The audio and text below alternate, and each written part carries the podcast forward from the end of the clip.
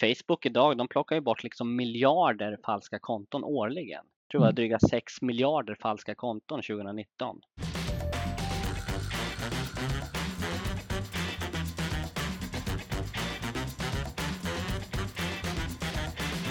Då hälsar jag välkommen till ännu ett avsnitt av kommunikation med Svensson och Mattisson. Tillsammans med mig Anders Svensson och även Linus Mattisson. Hallå där, hallå där. Idag ska vi prata om ett Eh, ständigt aktuellt och relevant ämne som jag är övertygad om att du som lyssnar gärna vill veta lite grann mer om. Det är nämligen informationspåverkan och desinformation som vi ju har blivit ett allt eh, större problem i takt med att vi har ju fått ett eh, väldigt, väldigt ökat digitalt eh, informations och kommunikationslandskap så har det också öppnat upp ännu mer för den här typen av saker. Och för att prata om detta idag så har vi bjudit in en expert på ämnet, nämligen Anton Liv. Välkommen till podden. Ja, men tusen tack, jag är glad att få vara med. Innan vi drar igång samtalet här Anton så ska du givetvis få presentera dig själv lite grann för den som kanske inte har stenkoll på just vem Anton är och uh, din bakgrund och så vidare.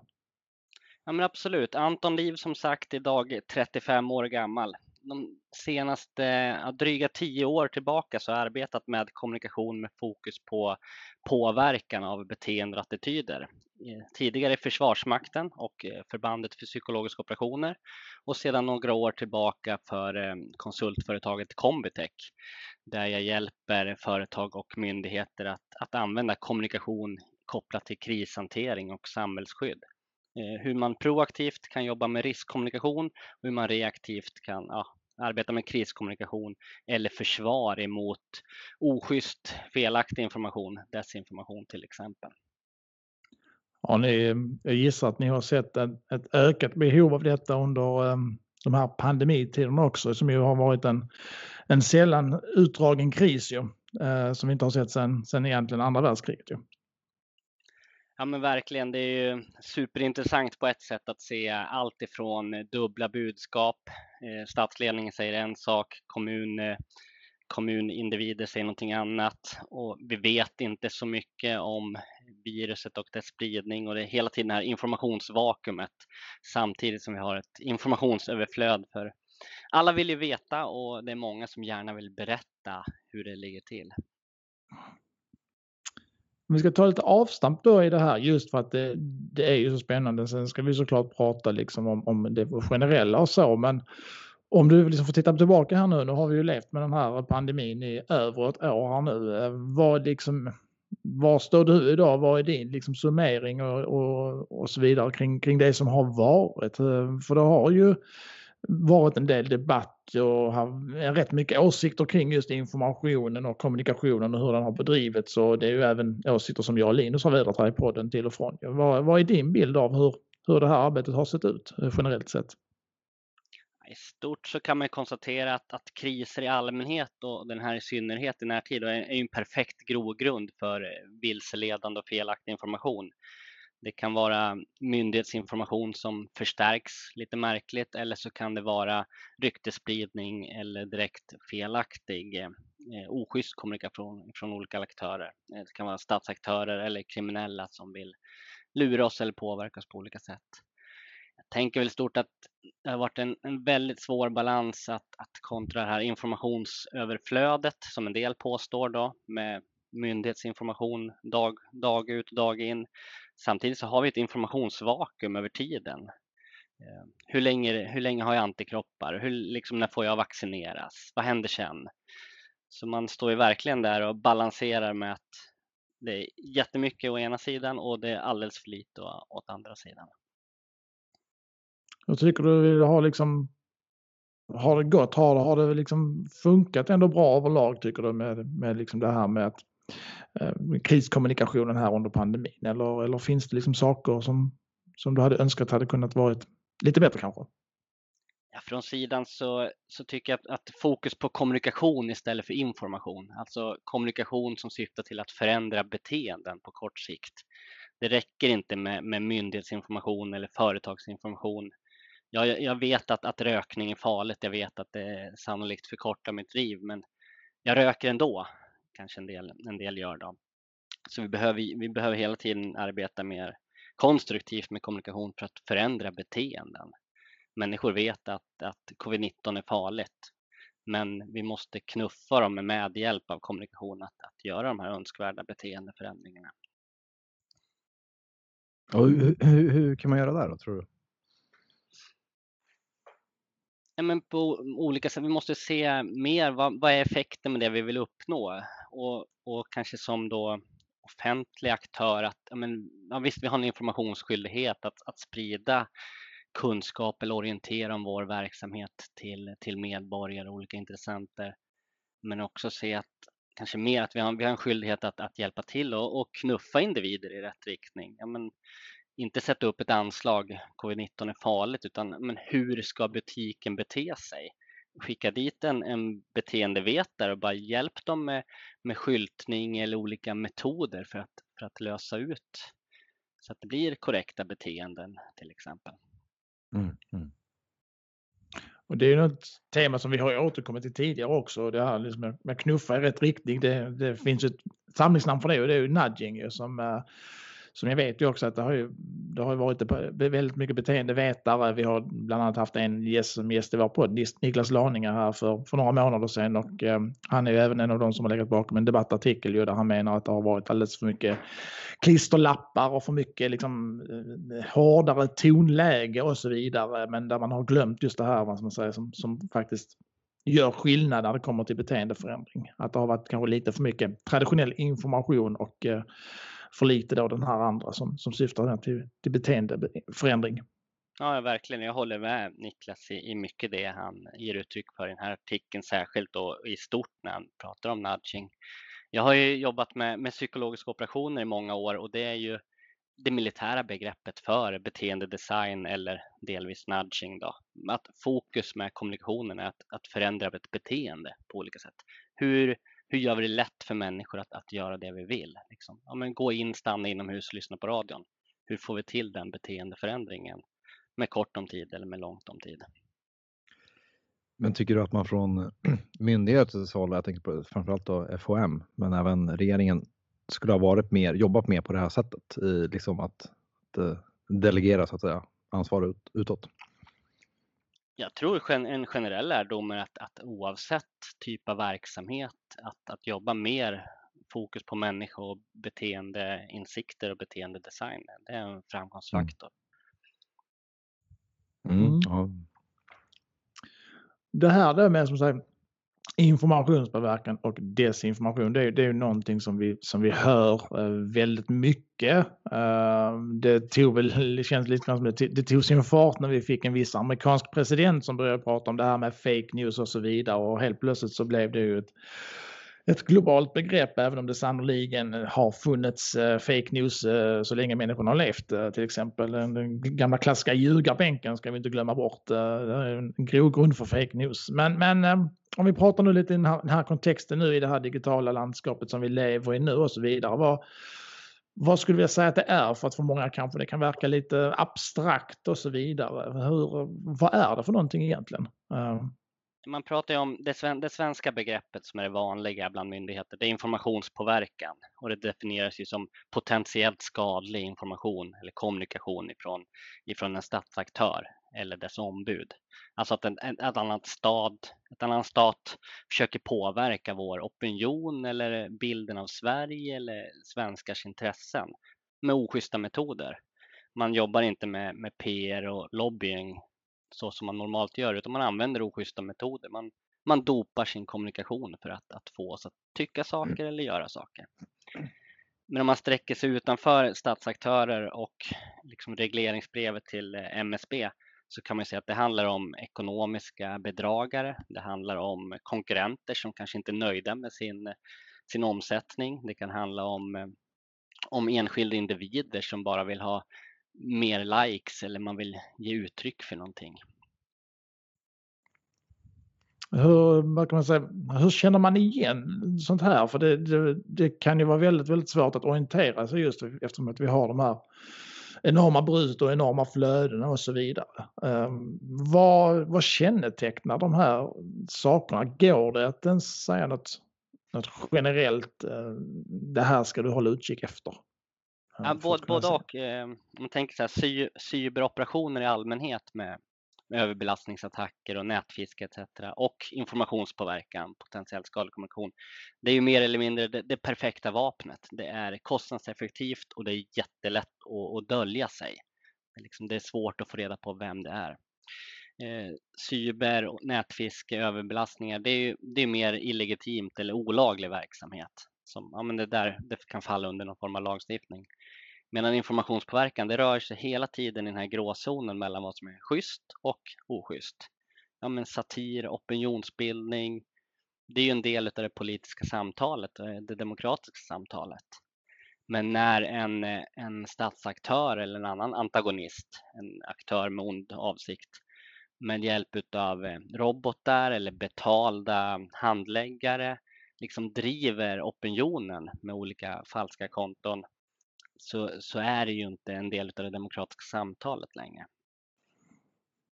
Och är det de här, det, det jag direkt tänker på är ju de här klassiska trollfabrikerna som man pratar om Uh, ut liksom i östra Europa, Ryssland med, med mera och så vidare. Är det de du liksom tänker på också där eller, eller finns det liksom några fler det raffinerade både, sätt? Ja, så kanske det var 2016 att det var en, en trollfabrik kanske, Internet Research Agency i Sankt Petersburg med någon mer liksom som, som approcherade det amerikanska valet och systemet. Idag så är det här en global marknad det gäller cyberoperationer i allmänhet, informationspåverkan. Liksom en statsaktör eller en kommersiell aktör köper en tjänst av ett bolag i Tyskland med underleverantörer i olika europeiska länder eller asiatiska länder och genomför en kampanj mot svenskar eller amerikaner eller chilenare. Det är ju en global marknad av varor och tjänster och den är väldigt synlig. Det går ju att googla liksom påverkan mer eller mindre och för en dollar kan man få ett antal likes eller ett antal visningar i olika kanaler. Så det går inte att säga att det är en aktör där utan det här, shit, det här är en global marknad. Från direkt olaglig verksamhet, intrång, utpressning till ja, men kanske laglig verksamhet med eh, hypegrupper på Facebook eller olika sådana här databrokers, databrokers som köper och säljer eh, information om, om kunder. Ja, så här är inne och tassar lite på liksom köpta, det kan vara till exempel eh, om man ser influencermarknaden till exempel. Ja, man tittar, eh, om man ser på databrokers, men kanske 5000 globala företag som köper och säljer kunddata. Mm. Och delar av den datan, ja, men den, den är schysst för att den har jag delat med mig, där mm. jag fattat att jag delat med mig. Delar av den datan har inte en aning om att jag delat för att jag godkänt en, en tredjepartsapp i något socialt media. Mm. Och sen finns det ju data, men kanske från informationsläckage. Vi har haft med, med skrapning nu från både LinkedIn och Facebook, Clubhouse och närhet. Den datan cirkulerar ju säkert också på den här marknaden. Och tänk då ett, ett kommersiellt företag som inte riktigt lyckats med sin marknadsföring. Man, man köper en tjänst av en underleverantör som vill prestera och när det inte går, ja, men då, då kanske man kan köpa tjänster från ytterligare en aktör för mm. att lyckas. Varifrån mm. den datan kommer eller vilka metoder de följer, det kan vara väldigt långt ifrån GDPR och gängse mm. norm. Då. Mm. Och hur bra koll har, har alltså myndigheter och företag på det här så att säga? Skulle säga? Jag tror eh, från eh, svinbra koll till eh, nästan obefintlig koll. Mm, ja. Jag tror att det är liksom själva eh, det är väldigt eh, stor spridning på det här. Liksom mm. Enskilda myndigheter som jobbar med underrättelse, informationshantering, bearbetning, analys. De svenska säkerhets och underrättelsemyndigheterna och globala företag. De har ju sett jättebra koll, det utgår jag ifrån. Mm. Men verksamheter som inte är vana att jobba med underrättelsehantering eller förstå att de är en del av ett, ett större politiskt spel Nej. kanske inte har koll överhuvudtaget. Till exempel nu, men hela textilbranschen. Kanske om vi, vi köper och säljer eh, mode här och sen helt plötsligt så blir de en del av en politisk risk när det är militärkupp i Myanmar eller vi ser nu hur kinesiska staten ja, ger uttryck för sin vilja emot Sverige genom att gå på enskilda företag. Så det kan egentligen finnas överallt och, och ingenstans. Och det jag tror också, du var inne på det lite grann Linus också, det här med just influencers, för det är väl också en del i det hela kring den enorma marknaden som det finns. Ja. Att kunna köpa, köpa följare, köpa visningar och så vidare. Att liksom boosta sina konton för att verka större och populärare än vad man faktiskt är. Precis, jag såg en jätteintressant dokumentär på, på Netflix här för någon månad sedan om eh, det finns så orimligt många Eh, personer i USA hänvisar de till där, men även i Europa så som har liksom över en miljon eh, följare på, exempel på Instagram.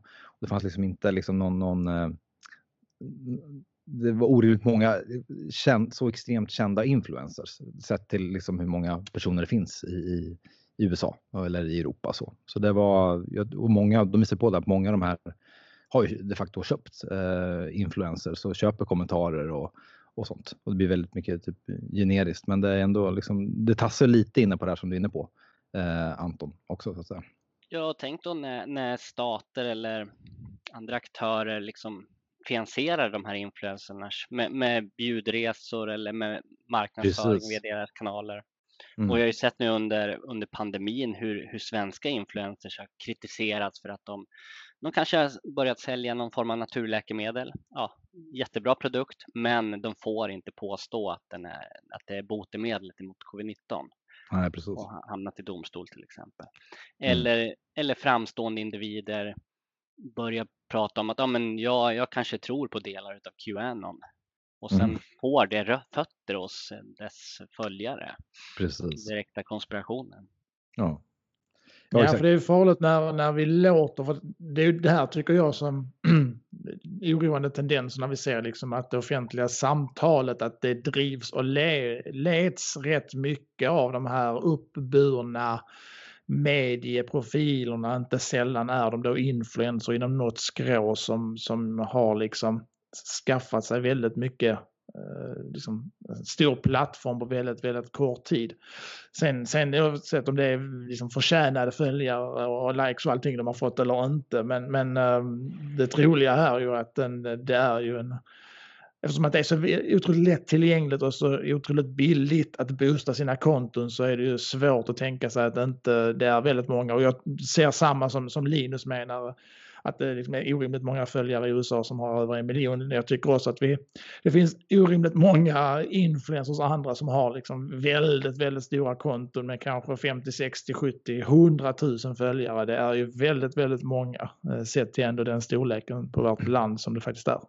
Precis, men de menar i den dokumentären, som kommer heter, att det är, som Anton inne på också, det är big business liksom. Det har blivit otroligt ja, mycket som har hänt och utvecklats senaste åren. Man måste kliva bort det. Det handlar inte om att, att driva politik eller påverka ett val, utan många gånger handlar det om att, att tjäna pengar. Ja, och bara som en enskild, om, om jag får fler följare, då kanske jag får fler annonsintäkter. Mm. Då är det det viktiga för mig, för mitt levande. Men samtidigt kanske jag ingår i en, en större påverkanskampanj som syftar till, syftar till någonting annat. Mm, mm. Precis. Men de här, som man säger, informationsproblemen, vilka vanligtvis är det då som, som ligger bakom de här sakerna och, och vad är deras liksom, motiv till det? Varför, varför skulle något, några personer, någon grupp eller någon stat vilja informationspåverka Sverige? Vad, vad, vad vinner de på det? Rent krasst. I det stora, det är ett antal stater. Om man tittar i, i Oxford Internet eh, in, Oxford Internet Institute och deras eh, computer propaganda program, då, då är det liksom 81 länder som bedriver liksom propaganda och desinformation emot sin egen befolkning för att uppnå politiska intressen. Läser man svenska underrättelse öppna årsberättelser och annan sån här öppen data så, så pratar man framför allt om Kina, Ryssland och en del andra Eh, stater som, som försöker påverka Sverige och svenska intressen. Och i, i, stort kan man tänka att ja, men vi har ett statsskick med demokrati, eh, mänskliga fri och rättigheter, tryckfrihet, yttrandefrihet etc. Och det kanske inte matchar riktigt den egna modellen. Och då, då blir vi en, en, mot, en motpol då, som, som man vill eh, bevisa att om Sverige är dåligt eller det här, den här typen av levande med demokrati, det funkar inte i pandemihantering eller det funkar inte i något annat sammanhang. Så på det sättet kan man bli en, en måltavla. Då. vet ni att de här länderna försöker påverka Sverige eller misstänker ni eller man att, att det är så här? Eller, eller finns det liksom konkreta bevis på att det här det är faktiskt ja, så här de här länderna försöker? Sä Säkerhetspolisen gick ut i närtid och, och eh, la fram att ja, men det, var, det var ryska hackergrupper understödda av den ryska underrättelsetjänsten som hade eh, tagit sig in i olika eh, antidopingsystem och Riksidrottsförbundet och liksom misskrediterat svenska elitidrottare här i närtid. Då har man ju attribuerat Ryssland som aktör. Mm. Och eh, Frivärd till exempel, en svensk tankesmedja har ju attribuerat Kina ett antal gånger och liksom uttalanden från den kinesiska ambassadören till exempel. Eller nu den tjeckiska, den tjeckiska regeringen går ut och attribuerar att ja, men det är ryska aktörer som har genomfört sabotage mot det här förrådet för ett antal år sedan. Mm. Hur kan man liksom, man säger, de som, som jobbar mycket med media det är ju, det är ju kommunikatörer och, och eh, journalister eh, primärt ju som, som sitter och har de här olika typerna av plattformar som sin, sin arbetsvardag. Eh, plattformar som det då finns andra som försöker påverka en viss riktning. Vad, vad kan man då som kommunikatör eller journalist göra eller tänka på för att påverka detta? Eller går det ens att påverka det här åt liksom ett, en annan riktning? Ja men verkligen, som, som kommunikatör idag så har man ju förståelse för hur spelplanen ser ut, man har förståelse för hur marknaden fungerar i stort. Man vet hur, hur kanske enkelt det är att köpa en, en vara eller en tjänst. Man vet hur enkelt det är att, att få spridning bara man finansierar den. Så där, där har man mycket medvetenhet. Men i stort så behöver man tänka efter lite mer, andas lite längre innan man sätter sin rubrik, innan man, man skriver om det här ämnet. Vem, vem tycker att det här ämnet är intressant? Är det du och jag som bor i Sverige som tycker det eller är det någon annan som tycker att det är intressant och det ska skrivas om mer i, i svensk media till exempel? På grund av att man har manipulerat eh, antalet läsningar eller man har manipulerat innehållet i olika forum och drivit en debatt som inte själva med och styr. Ja, för det tänker jag så att det, det, skulle väl rimligtvis de här hackersen och de göra, de skulle väl rent krasst kunna ta sig in och påverka liksom klicksiffrorna på till exempel Aftonbladet eller Expressen. Så att, eh, för de tittar ju väldigt mycket på trafiken och oh, det, det, är de här ämnena som läses mest och de som konsumeras mest. Då måste vi skriva mer om det här. Det, där kan man kanske inte vara 100% säker på heller på att det är autentiska. Nej, det är ju det är verkligen ett utrymme som eh som växer, manipulering av data. Ja, men vad, vad baserar man eh, läsarnas behov utifrån? Ja, men vem, vem ligger bakom de här klicken och läsningarna som sagt? Och om man manipulerar det i flera led så är det väldigt svårt att följa upp. Klicken kanske kommer från tusen olika svenska IP-adresser men gått via en server någon annanstans till exempel. Jag har en fråga angående ditt jobb. Hur, hur funkar det? Hur samlar du in hur samlar du själv in den här informationen och datan så att säga och sorterar och analyserar? Hur, kan du berätta mer om den processen?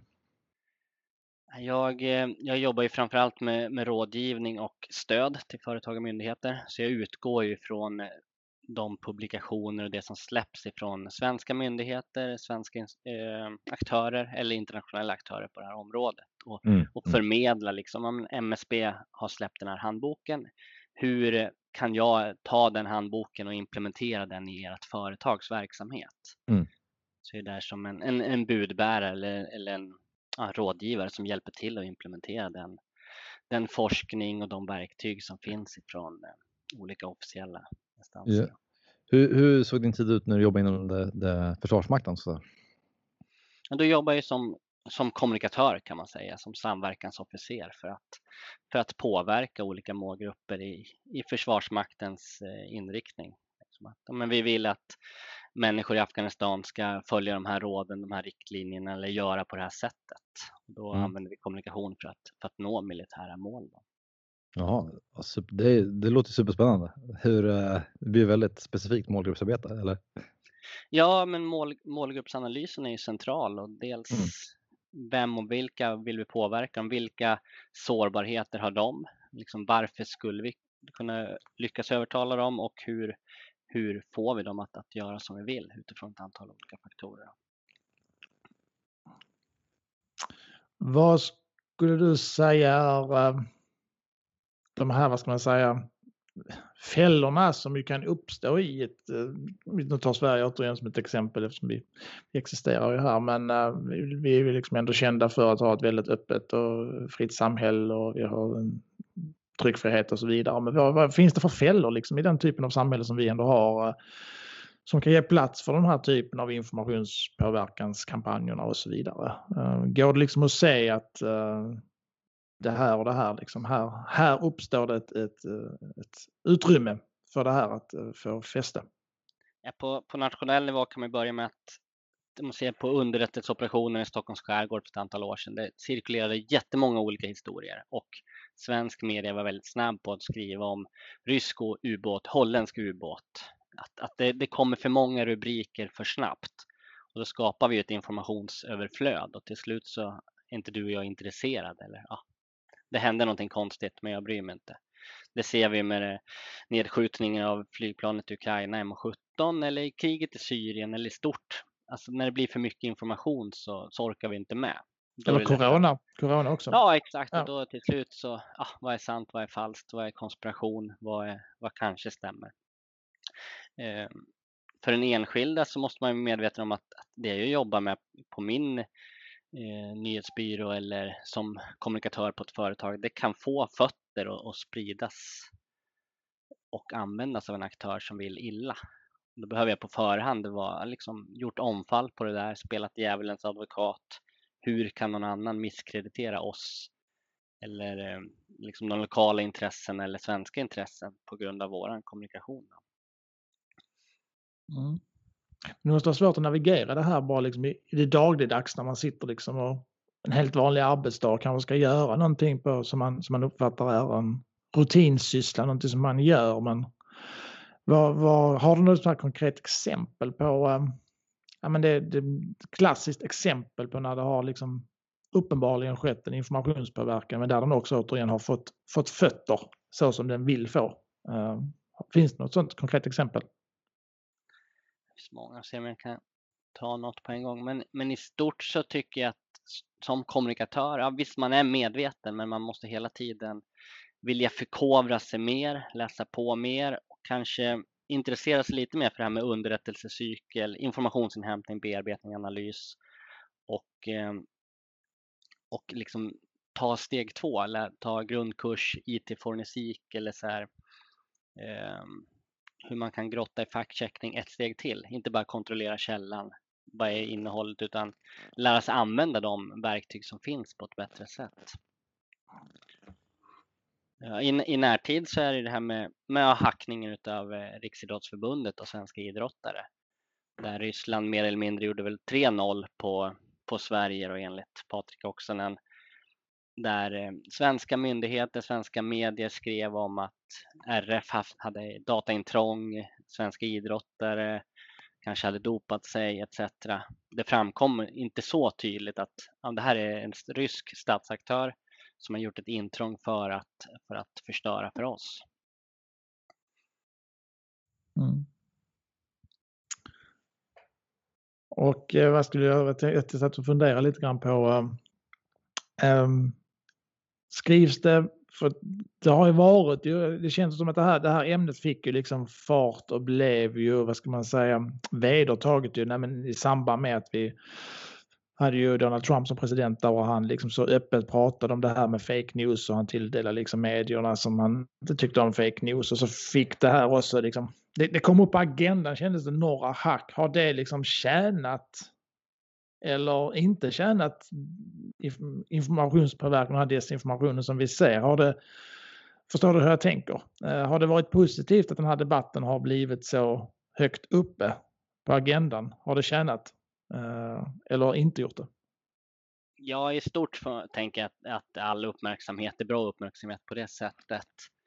Um, det som vi behöver se bortom är att det handlar inte om de här, det amerikanska valet utan det handlar om din och min vardag och, och all den felaktiga information vi har i våra flöden, i vår omgivning över tiden och hur vi ska kunna kategorisera och eh, selektera i den för att, för att vi ska bidra till det demokratiska samtalet på ett bra sätt och inte gå någon annans ärenden I alla fall inte utan att vi vet om det.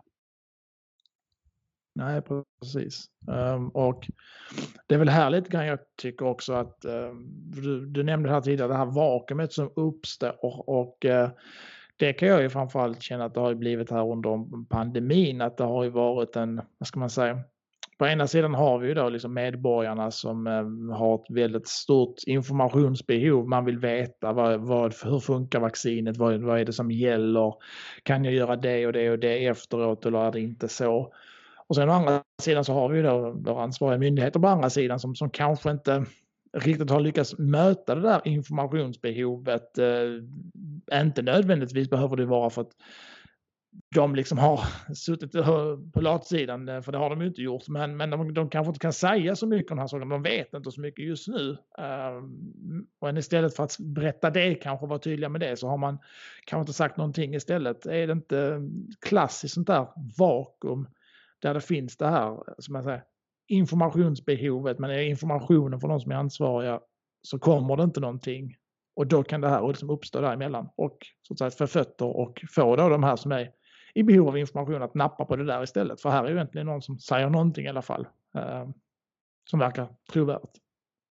Ja men verkligen och den här eh, hela pandemin har verkligen påvisat behovet av riskkommunikation. Men som, som alltid stort, vi, vi tycker inte om att öva, vi tycker inte om att, att planera för framtiden utan vi vill ha avkastning här och nu. Vi vill ha många likes nu, vi vill sälja bilar nu. Vi måste vara proaktiva och att oavsett eh, kommersiellt företag eller myndighet så måste man utgå ifrån men, vilket är vårt uppdrag, vad ska vi lyckas med? Och sen fundera, men vad finns det för märkliga konspirationsteorier eller vad finns det för någonting som människor är nyfikna på eller arga på när det kommer till vår verksamhet? Och sen googla eh, till exempel eh, strålning eller höghastighetståg, magnetfält.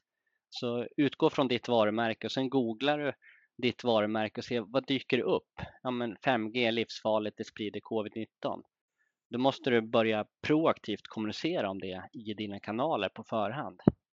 För att om ett år eller två år när det uppstår en händelse så måste man hitta information hos dig att ja, men 5G är inte farligt för att man måste landa på din hemsida och inte en konspirationsteoretikers hemsida. Ja, Och det är så svårt då, för har du då en publik som har kanske nappat då på någon konspirationsteori och så vidare och sen kommer du där som i andra, tredje hand och, och sitter liksom på fakta. Det, det har ju bevisats också hur svårt det är att få de här personerna att, att lyssna på dig. Det snarare kan bli motsatt effekt, att de ännu mer liksom håller sig till den här konspirationsteorin mm. som nära. Att det blir den här polariseringsprocessen eh, lite grann. Så jag tänker att det är ju jättesvårt hur man ska göra på det sättet. Att, utan att, för det blir lätt kanske pekpinnar då istället. Uh, och då driver du kanske de här personerna som kanske har nappat på den här konspirationsteorin från början ännu längre ifrån dig. Ja men verkligen, men om man ser till att det finns korrekt information från början till att börja mm. med. Så att ja. den, den, finns i alla fall där om, om två år när människor börjar bli oroliga om magnetism och höghastighetståg till exempel. Då, då kan man ju landa där. Sen tror jag också på att man måste jobba mer med dramaturgi och känslor och, och nudging för att, för att kommunicera och påverka människor och inte bara lägga upp en, en pekpinne på sin hemsida. Du sa ju att det här handlar ju om gråzoner, väldigt mycket gråzoner. Finns det något, ändå något område inom det här som du ser att man skulle kunna förtydliga inom alltså till exempel lagstiftning och så? Ja, det, det, det, kämpar man ju enormt med. Både techbolagen nu har ju vaknat upp och bara shit, hur ska vi hantera vårt inflytande? Hur ska vi jobba med regleringar eller förbud? Mm. Och EU och Europeiska kommissionen jobbar jättemycket. Det kommer ju både Digital Service Act och Digital Media Act i närtid. Men samtidigt så det utgår ju från, från eh, lagstiftning som vad är olagligt? Och mm. informationspåverkan eller opinionsbildning är ju inte olagligt. Hur, hur ska vi då eh, angripa det? Mm. Så då, då, tror jag att, att både som individ och företag som eh, stat så måste vi bli bättre på att attribuera. Liksom, vem ligger bakom någonting och uppmärksamma det. Mm. Då behöver vi ha resurser för att ja, men, ta reda på vem, vem sprider någonting. Och hela tiden jobba med ett mindset att ja, men vi har rätten att höras, den del av det demokratiska samtalet. Det är liksom min, min rättighet är att få ge uttryck för det jag tycker och känner och tänker. Men jag har inte rätten att få räckvidd alla gånger.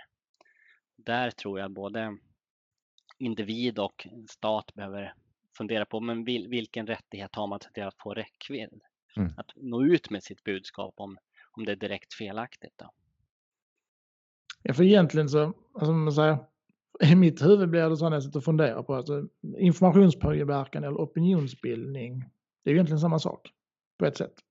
Men de ja, olika, de har olika innebörd. Men, men då, om man jobbar med opinionsbildning då, då, då arbetar man för Sveriges bästa eller människors bästa. Man, man är öppen med att man vill påverka en viss riktning. Man använder schyssta metoder och informationspåverkan, då, då går man in för att störa, vilseleda, man avsiktligt struntar i svenska intressen eller ditt företags intressen för att sko sig på dig och, och tjäna pengar på, på dina kunder till exempel.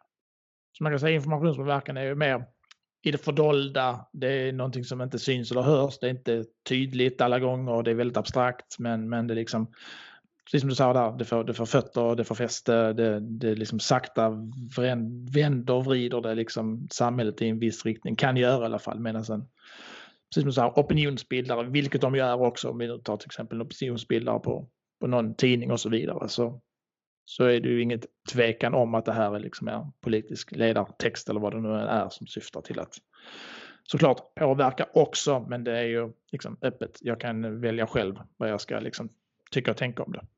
Ja, samtidigt så är det en balans där. Vem finansierar den här tankesmedjan eller vem finansierar mm. de här aktörerna som finansierar det politiska partiet? Och bara, men ska det vara offentligt eller ska det inte vara det? Och det finns ju i olika sektorer att, att det är svårt att se vem som, som betalar för kommunikationen i slutändan. Och då, då kan det vara en, ett annat land som, som finansierar liksom ett politiskt parti i Sverige eller ett politiskt parti i USA ja, det är jättebra att de bidrar, men samtidigt vilken agenda har de med, med sin finansiering till exempel? Mm. Ja, och det, som du säger, det, det, här, det här är väldigt komplext och komplicerat och det känner jag liksom bara nu under samtalets gång hur, hur otroligt liksom svårt det är var man drar gränsen och så. Var, och nu på senaste tiden har det också varit den här debatten om, eh, alltså vi, vi har yttrandefrihet och, och, samtidigt så har ju då, ja återigen Donald Trump blev ju utkastad från sina plattformar. Det finns ju, vi har ju svenska exempel på Youtube-kanaler och så vidare som stängs ner av Youtube och så där hävdar ju vissa ju att det går i strid mot yttrandefriheten och där, där råder det väldigt delade meningar om även bland de här som är expert, experter på yttrandefrihet och så vidare kring vad som är rätt eller fel att göra. Vad, vad är din bild av det här? För det här det går ju ändå in lite grann i ditt område också. Eh, ja men verkligen, man, man tittar jättemycket på hur man tekniskt ska kunna reglera eh, informationspåverkan, hur man ska kunna motverka med olika tekniska regleringar, tekniska verktyg. Men min ståndpunkt i stort är att det är inte självklart att, att kommersiella bolag ska bestämma vem som ska synas eller inte synas på en plattform. Visst, vi kan tycka att det, det är jättebra att man stänger ner Trump för att, men samtidigt ska vi lägga det i händerna på ett kommersiellt företag som, som lever på att, att tjäna pengar på annonsintäkter till exempel.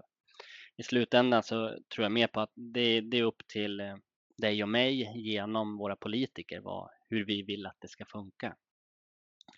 Ja, det är lite där jag har landat själv också. Jag tycker att det ska väl liksom då vara ett, rättväsen, rättsväsende avgöra då. Som sagt, vi har ju yttrandefrihet, sen har vi ju lagstiftning som inskränker ju yttrandefriheten till exempel kring hets mot folkgrupp eller eh, förtal eller annat och så vidare. Och jag menar, har man brutit mot någon av dem, då är det ju inte så... Då kan man belägga det och liksom rättsväsendet kan avgöra det. Ja, då är det inga problem att stänga av dem. Men när du precis säger när det, när det blir lite det här godtyckliga som det känns som eh, hos de här techbolagen och de kanske inte heller har kompetensen kring detta. Att, återigen, det, det ska ju vara, vi lever i en rättsstat, det ska vara liksom en domstol som, som avgör eh, det här och inte liksom ett, ett techbolag i Silicon Valley. Kan jag tycka är ju liksom en sundare sätt att, att lösa det på. Sen blir det, kommer det ju en ny utmaning på det. Hur får vi liksom en, eftersom internet är globalt, hur får vi liksom en eh, lagstiftning för det, det som är ett brott här, till exempel, jag kan tänka mig hets mot folkgrupp, det är ju inte ett brott i alla länder i världen till exempel. Men det är det i Sverige. Hur löser man det när internet är globalt? Det är ju så jäkla svåra frågor. Ja, här, här behöver vi kraftsamla både tid och resurser. Det, man måste inse hur, hur, hur stort det här är, både alla möjligheter men också alla utmaningar. Men Facebook idag, de plockar ju bort liksom miljarder falska konton årligen. Jag tror det var dryga 6 miljarder falska konton 2019. Och liksom Google plockar bort falska eller dåliga annonser och bad ads. LinkedIn plockar bort eh, falska profiler mycket genom algoritmer men mycket genom deras moderatorer som, som skannar över tiden. Eller för att du och jag flaggar saker. Och det, det måste vi komma, försöka växla i kapp på något sätt. Att inte bara vi tycker saker utan vi måste förstå hur, hur, eh, hur världen hänger samman och att, att ge det mer resurser och se, se baksidan av myntet. Sa du 6 miljarder konton på Facebook? Ja, de har ju en, en transparency, transparency-sida Facebook och 2019 så tror jag att det är dryga 6,6 miljarder så kallade fake accounts de plockade bort. Det är helt sinnessjukt. Faktiskt. Då har de ju, nu är de väl uppe i snart 3 miljarder aktiva användare varje månad. Ja, precis. Det jag tänkte på. Eller ja. Instagram, WhatsApp. Ja. Men då plockar de ändå bort liksom miljarder konton årligen. Mm. Och många tänker, de ryker väl direkt då för att algoritmen identifierar att här är något skumt. Mm. Men sen har de ju också moderatorer som sitter och, och, och rensar och, och, kontrollerar det som ja, bryter precis. mot deras regleringar. Oj, ja, då förstår man vidden av, av, av det här så att säga. Ja, om man, om man tittar mer på de här sidorna så det, de påstår ju själva att det är ett antal miljoner, tror jag, liksom falska konton i omlopp som är, som är aktiva, som de inte får bort. Nej. Och de, de används ju för att tjäna pengar eller påverka eller lura människor. Ja, det är ju ingen tvekan om i alla fall att eh, det du liksom ser och läser och hör på sociala medier och att tro att allting du ser är sant och riktigt, då är, då är du på en farlig väg. Utan man ska snarare kanske utgå från motsatsen nästan och eh, snarare bli överbevisad om det. Ehm, eftersom att det går att manipulera så himla mycket eh, och med väldigt små medel också och vem som helst kan göra det.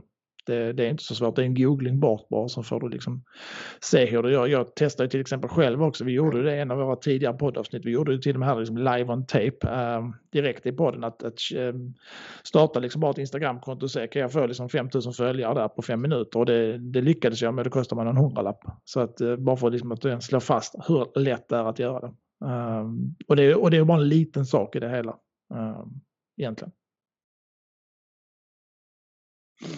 Så att, ja, men det här också med frågan om det här sant eller falskt är också en komplex fråga. Om vi ska kanske avrunda på den lite grann med en sån jättesvår fråga. Vad, vad tänker du där liksom Anton kring den här debatten och så vidare?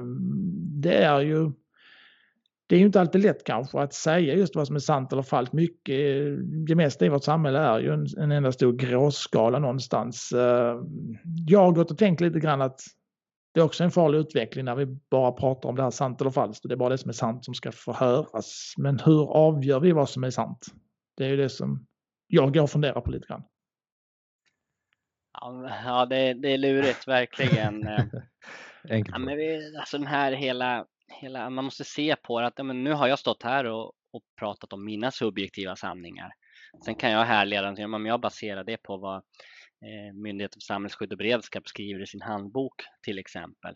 Men ändå, vi måste försöka vara rationella och utgå från att ja, men, det jag ser idag det är, det är en, en sanning men imorgon kanske inte är en sanning längre för att vi har fått det, det motbevisat.